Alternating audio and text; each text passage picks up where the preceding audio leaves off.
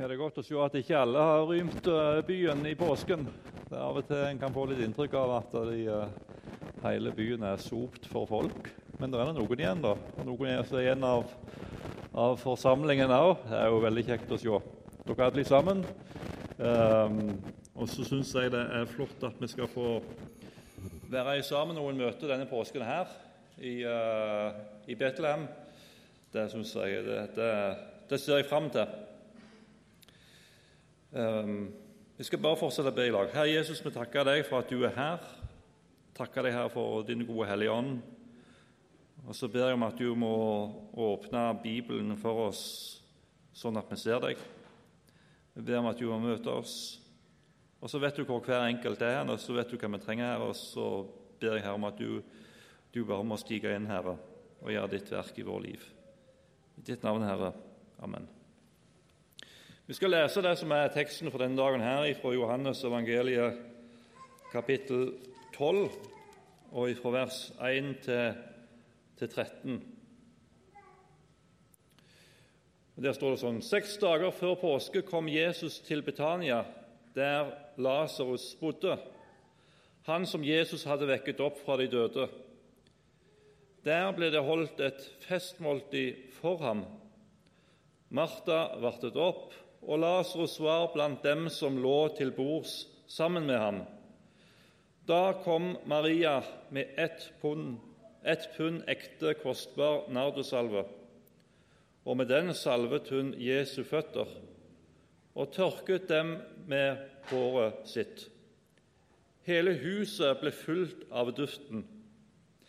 Da sa Judas Iskariot, en av disiplene, han som siden forrådte ham, Hvorfor ble ikke denne salven solgt for 300 denarer og pengene gitt til de fattige? Dette sa han ikke fordi han hadde omsorg for de fattige, men fordi han var en tyv.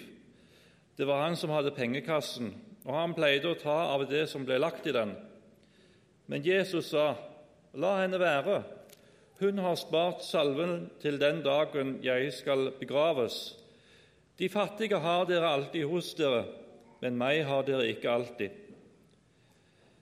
Det ble kjent i den store folkemengden av jøder at Jesus var i Betania. Nå kom de dit, ikke bare for hans skyld, men også for å se Lasarus, som han hadde vekket opp fra de døde. De, da la over, overste, øversteprestene planer om å drepe Lasarus også. For mange av jødene dro dit på grunn av ham og kom til tro på Jesus.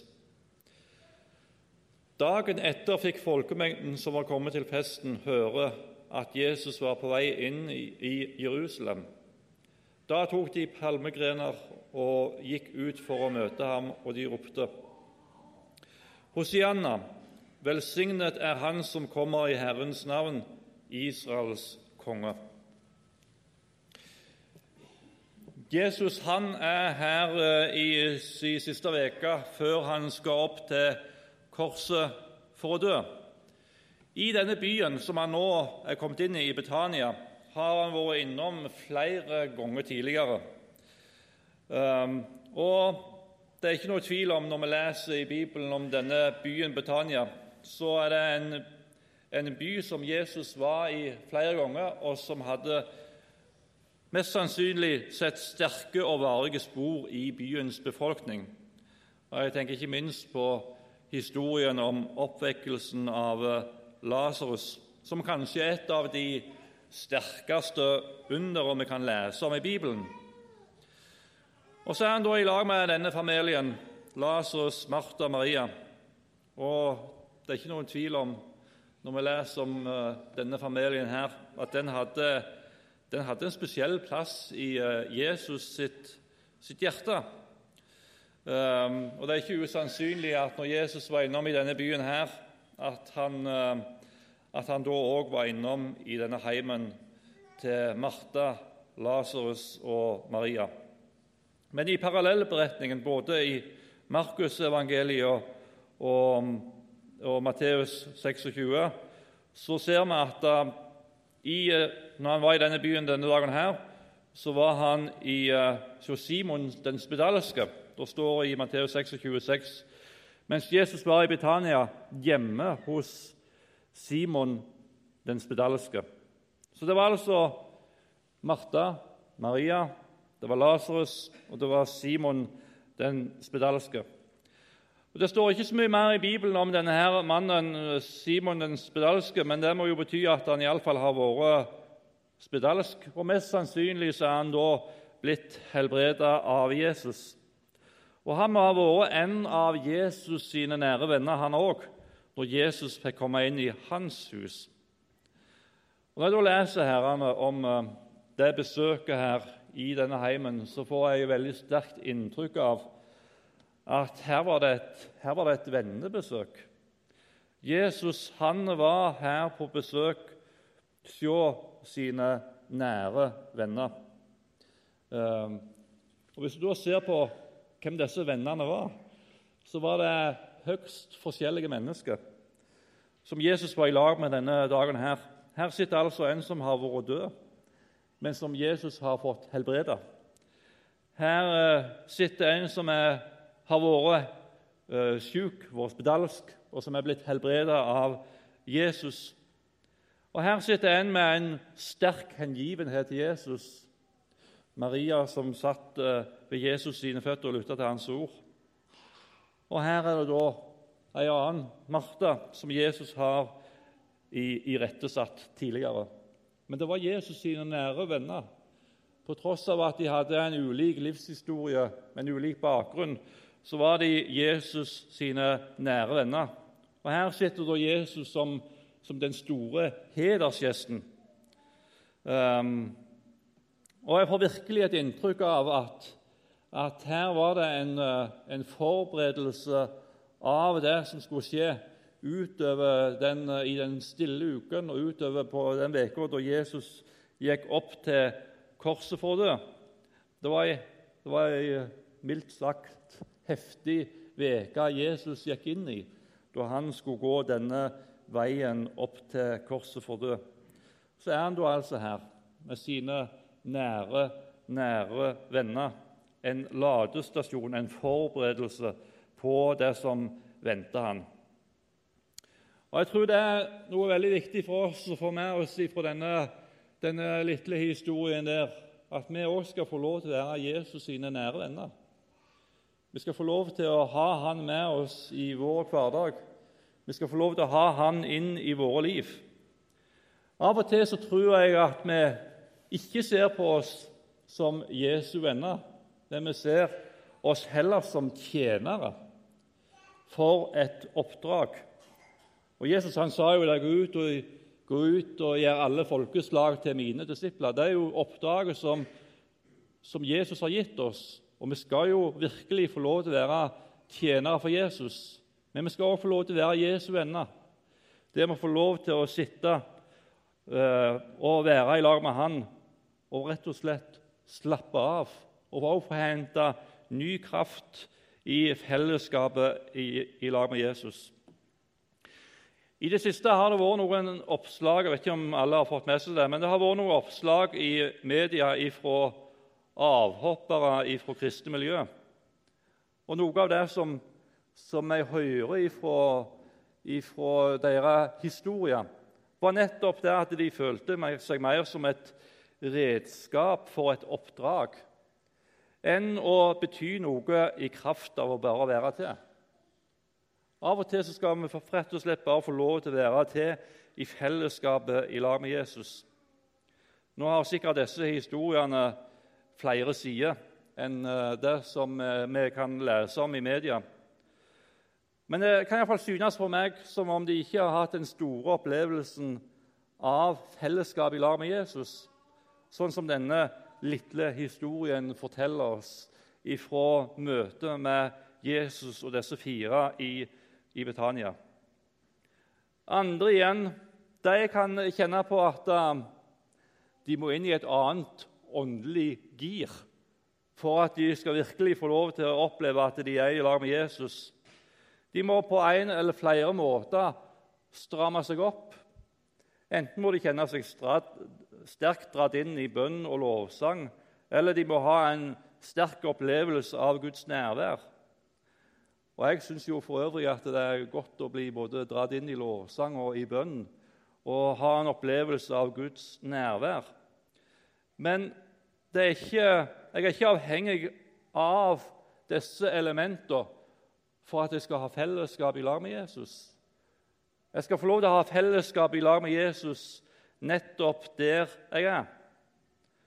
Og andre igjen de kan gjøre seg helt uh, til det ugjenkjennelige når de skal være i lag med Jesus. De, de liksom, du kan treffe dem ute i gata, og når de da skal liksom, være litt kristelige, så blir de helt uh, totalt annerledes.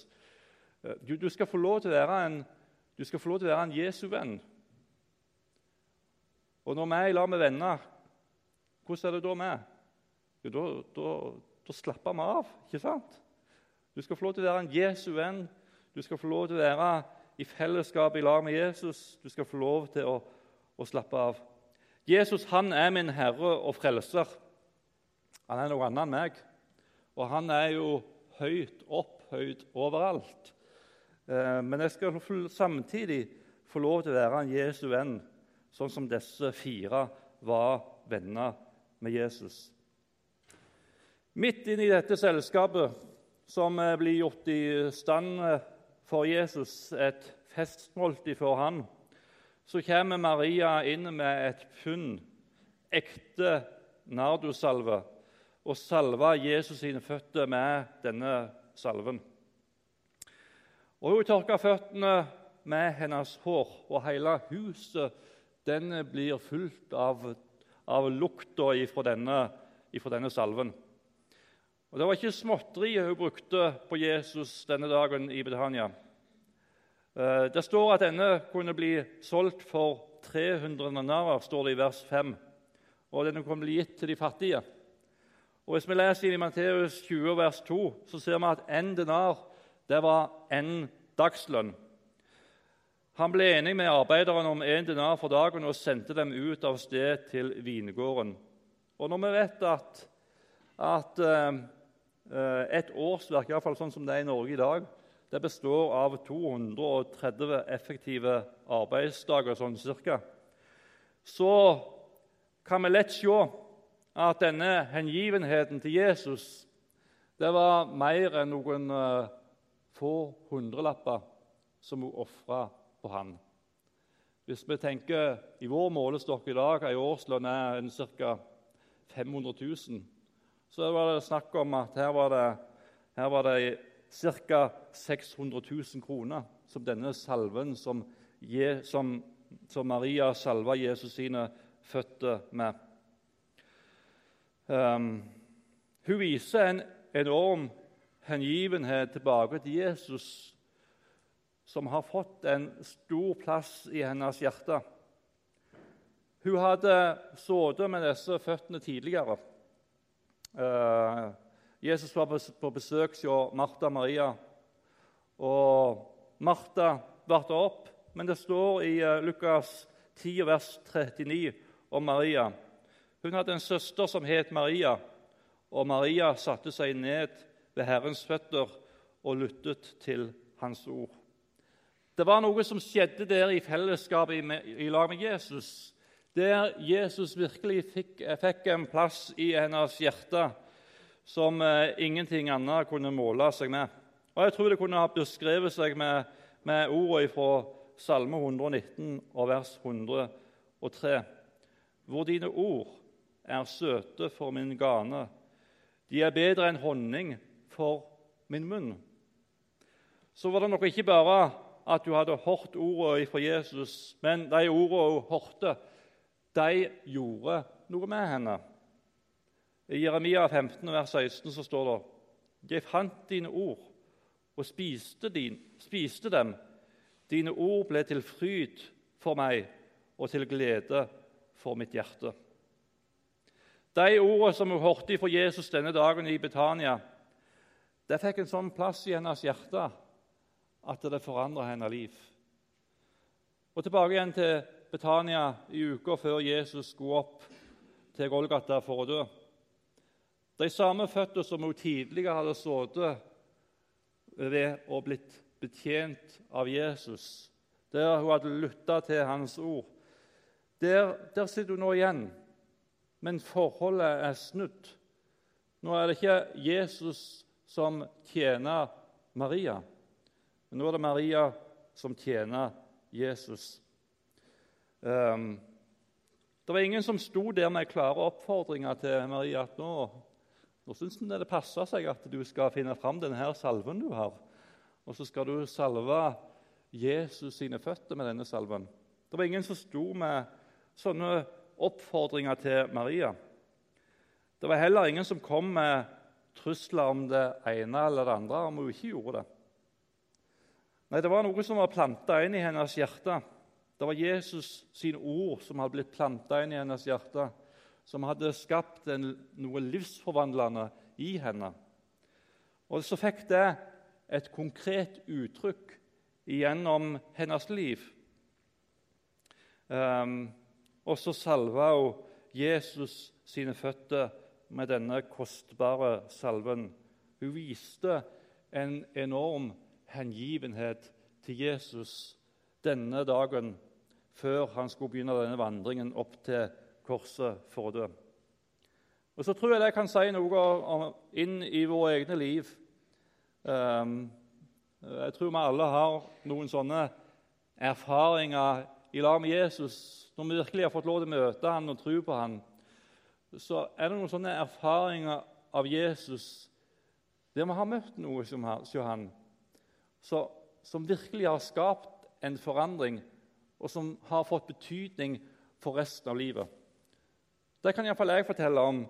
At det er noen sånne møtepunkt i lag med Jesus der, der hans ord har skapt en livsforvandling i mitt hjerte og mitt liv som har fått betydning for de stegene som jeg etterpå har tatt i lag med han og tatt i lag med andre mennesker.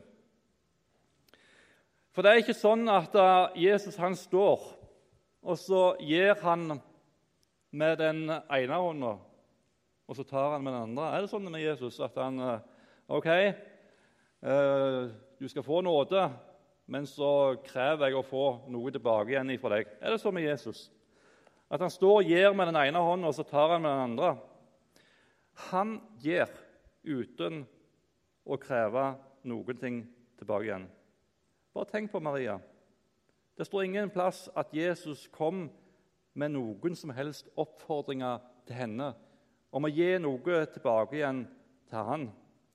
Det står ingen plass om det.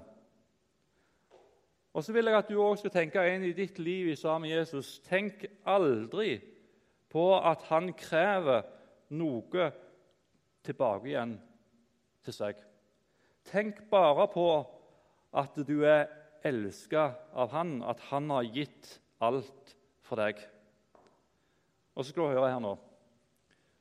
Det kan være at noen protesterer, men det får så våge seg. Tenk aldri på at du må elske Jesus.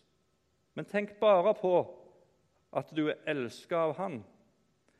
Tenk aldri på at du må gi noe til Guds rike. Men tenk bare på alt Han har gitt for deg. Tenk aldri på at du må lese i Bibelen, du må be til Ham. Eller du burde hatt mer frimodighet. Eller du burde ha delt evangeliet med flere mennesker. Jeg vet at det er noen som protesterer nå. Men hør det likevel. Du finner ingen må eller burde når Jesus møter deg med nåde. For nåden, den er gratis. Og da finner du, Når Jesus kommer med nåden, så sier han ja, da må du, da burde du, og da skal du etterpå. Da finnes ingenting i forlengelsen av nåden. Nåden den blir gitt til oss gratis. Og Det var dette nådefellesskapet Maria hadde fått lov til å oppleve denne dagen lenge før denne historien vi, vi leste om herrene. Eh, det var denne nåden hun hadde møtt der i fellesskapet med Jesus. Tenk på hva han har gitt, at han har gitt alt for deg så lenge at det begynner å vokse fram en lengsel og et ønske ifra hjertet til å gi noe tilbake igjen til han. Det var det som skjedde med Maria. Hun hadde blitt elska av Jesus så lenge og så mye at det vokste fram en lengsel ifra hjertet etter å få lov til å gi noe tilbake igjen til han. Når hans kjærlighet får fylle hjertet vårt, så blir vi faktisk i stand til å elske tilbake igjen. Men det står aldri når han elsker oss, at vi må elske. Men han elsker så lenge. Han elsker oss så lenge at vi faktisk får en lyst og en glede i å få lov til å gi noe tilbake igjen til han. Det står både her på veggen her nå, og det kommer opp i Bibelen også. Vi elsker fordi Han elsket oss først. Alt som skjer av frukter ut ifra våre liv som kristne, kom ikke som et resultat av dårlig samvittighet. Det kom ikke som et resultat av trussel om straff. Det kom ikke som et resultat av at du kjenner at du burde, at du måtte. Men fruktene i våre kristeliv kommer som et resultat av et hjerte som er fullt av Jesus og hans kjærlighet til oss. Så Tenk på det når du tenker på denne historien om eh, Maria som salva Jesus sine føtter denne dagen. her. Det var ikke bare noe som kom som et knips fra himmelen, men det var noe som var et resultat av et fellesskap i lag med Jesus. Og Det fellesskapet trenger virkelig jeg, og det tror jeg vi alle trenger. Det er ganske store kontraster i, uh, i hele påskefortellingen. Både fra det som vi ser her fra før palmesøndag, men òg utover hele påskeveka, så er det mange ulike kontraster. Og I denne historien også blir vi vitne til en veldig stor kontrast. Um, der det er ei som viser en enorm hengivenhet til Jesus, og så er det en annen som vi ser det stikk motsatt av Eh, her er det ei kvinne som viser sin hengivenhet til Jesus, og så er det en som reagerer. De liker ikke det de ser. Det blir for voldsomt. Det blir for mye av det gode. Judas han reagerer, og det ser jo utrolig flott ut egentlig. Eh, disse pengene her som denne salven koster, det kunne jo ha blitt gitt til de fattige. Tenk å ha kunne brukt 500 600 000 kroner til de fattige i plassen for denne salven som bare er ei lita krukke. Um, um. men det var ikke så åndelig som det så ut til å være. Her var det et hjerte som elska penger mer enn både Jesus og de fattige. Og Jeg tror dette er noe som kan skje inn i et kristent fellesskap der det er noen som har møtt Jesus på en sånn måte at det får et konkret uttrykk i livet, så kan det være noen andre som ikke liker det de ser. De reagerer på denne, all denne åndeligheten. Men det er kanskje ikke fordi de elsker Jesus at de reagerer på denne åndeligheten. Men det kan være at de har et hjerte som ikke lenger lever helt med Herren. Og Det var iallfall det som var tilfellet med Judas. At han reagerte ikke fordi han egentlig elsket de fattige. Men det var noe helt annet som lå bak hans, uh, hans reaksjon i forhold til det han så her hos Maria. Um, og derfor så, Hvis du er i en sånn situasjon at du på en eller annen måte har reagert på andres åndelighet, der du har sett egentlig at her er det noen som gir uttrykk for for at de virkelig elsker Jesus, og så reagerer du, um, så vil jeg at du skal spørre deg sjøl hva er den egentlige grunnen til at du reagerer. Kan det være at du, du trenger virkelig å få lov til å komme inn til Jesus og få et, et fornya møte med han? Eller er det noen ting du trenger, sånn som det var tilfellet for Judas? Han trengte egentlig virkelig til et oppgjør med noen ting i sitt eget liv? Er det noe du trenger å renses ifra? Um, Iallfall når jeg da leser om Judas her, så er for deg meg en påminnelse om, og til oss alle, at vi må få lov til å leve våre liv helt med Herren. Um, det gikk ikke så bra med Judas. Uh, det gikk fryktelig galt med han. Og det kan faktisk være situasjonen i våre liv.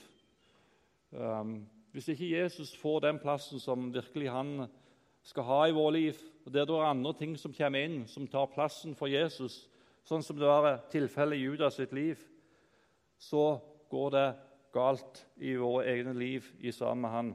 Og For meg er det en påminnelse om å leve helt i lag med Herren. Å få lov til å leve på denne her Mariaplassen, der jeg får lov til å ta imot av Hans nåde, av Hans tilgivelse, og få lov til å ta imot av det Han har for meg inn i mitt eget liv, og la det få lov til å blomstre i mitt liv i sammen med Han. Ifra dette vennemøtet i Britannia så gikk veien videre dagen etter opp til Jerusalem, der hvor eh, Hosianna-ropet møtte Jesus.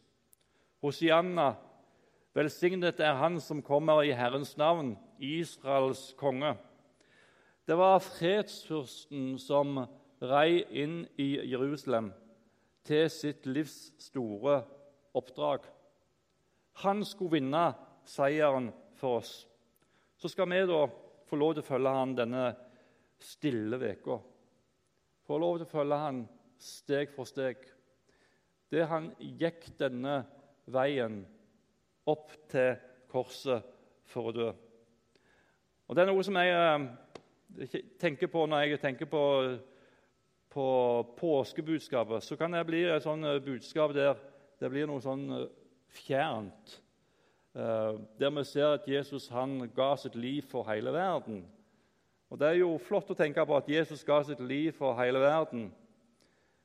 Men hvis du da tenker, når du da får lov til å gå disse stegene i lag med Jesus opp til korset, og så da tenker at disse stegene som han gikk da gikk han for meg. Disse stegene som han gikk opp til korset for å dø, det er ikke bare hele verden, men det er jeg som er i sentrum. Det var for min skyld han gikk disse stegene opp til korset for å dø. Da blir det noe veldig personlig. Da blir det noe som får betydning inn i mitt eget liv. Og så skal jeg få lov til å glede meg over at den seieren som han vant på korset, den vant han for meg. Jeg har lyst til å fryde og glede meg over hans store frelse. Og Herre Jesus, vi bare har lyst til å takke og prise deg for, for Golgata-verket. Takke og priser deg, Herre, for at du, du gikk denne veien opp til korset for å dø for oss. Og takk for at vi skal få lov til å gå disse stegene i lag med deg, med deg Herre, uh, utover denne uka. Der vi får det vi får virkelig lov til å se at du, eh, du gikk lidelsens vei, Herre. Du er korsets vei. Og så skal jeg få lov til å gå fri, Herre. Og så takker jeg for denne historien fra Betania, der du var i lag med dine venner. Takk for den eh, påminnelsen der om å få lov til å leve i fellesskap i lag med deg, sånn at jeg kan få lov til å vokse noe friskt ut ifra vårt liv. Og så ber jeg Herre om at vi kan få lov til å leve i dette nådefellesskapet i lag med deg, Herre Jesus. Dette nådefellesskapet som Maria hadde fått lov til å oppleve i lag med deg, det er virkelig noe som jeg trenger for mitt liv, Herre. Og så trenger vi det alle sammen. Må du bare velsigne oss denne påsken, Herre. Velsigne oss, Herre, med, med, med ditt ord. Velsigne oss med din nåde. Velsigne oss med din kjærlighet, Herre. At vi virkelig får lov til å glede oss og fryde oss over din store frelse. Amen.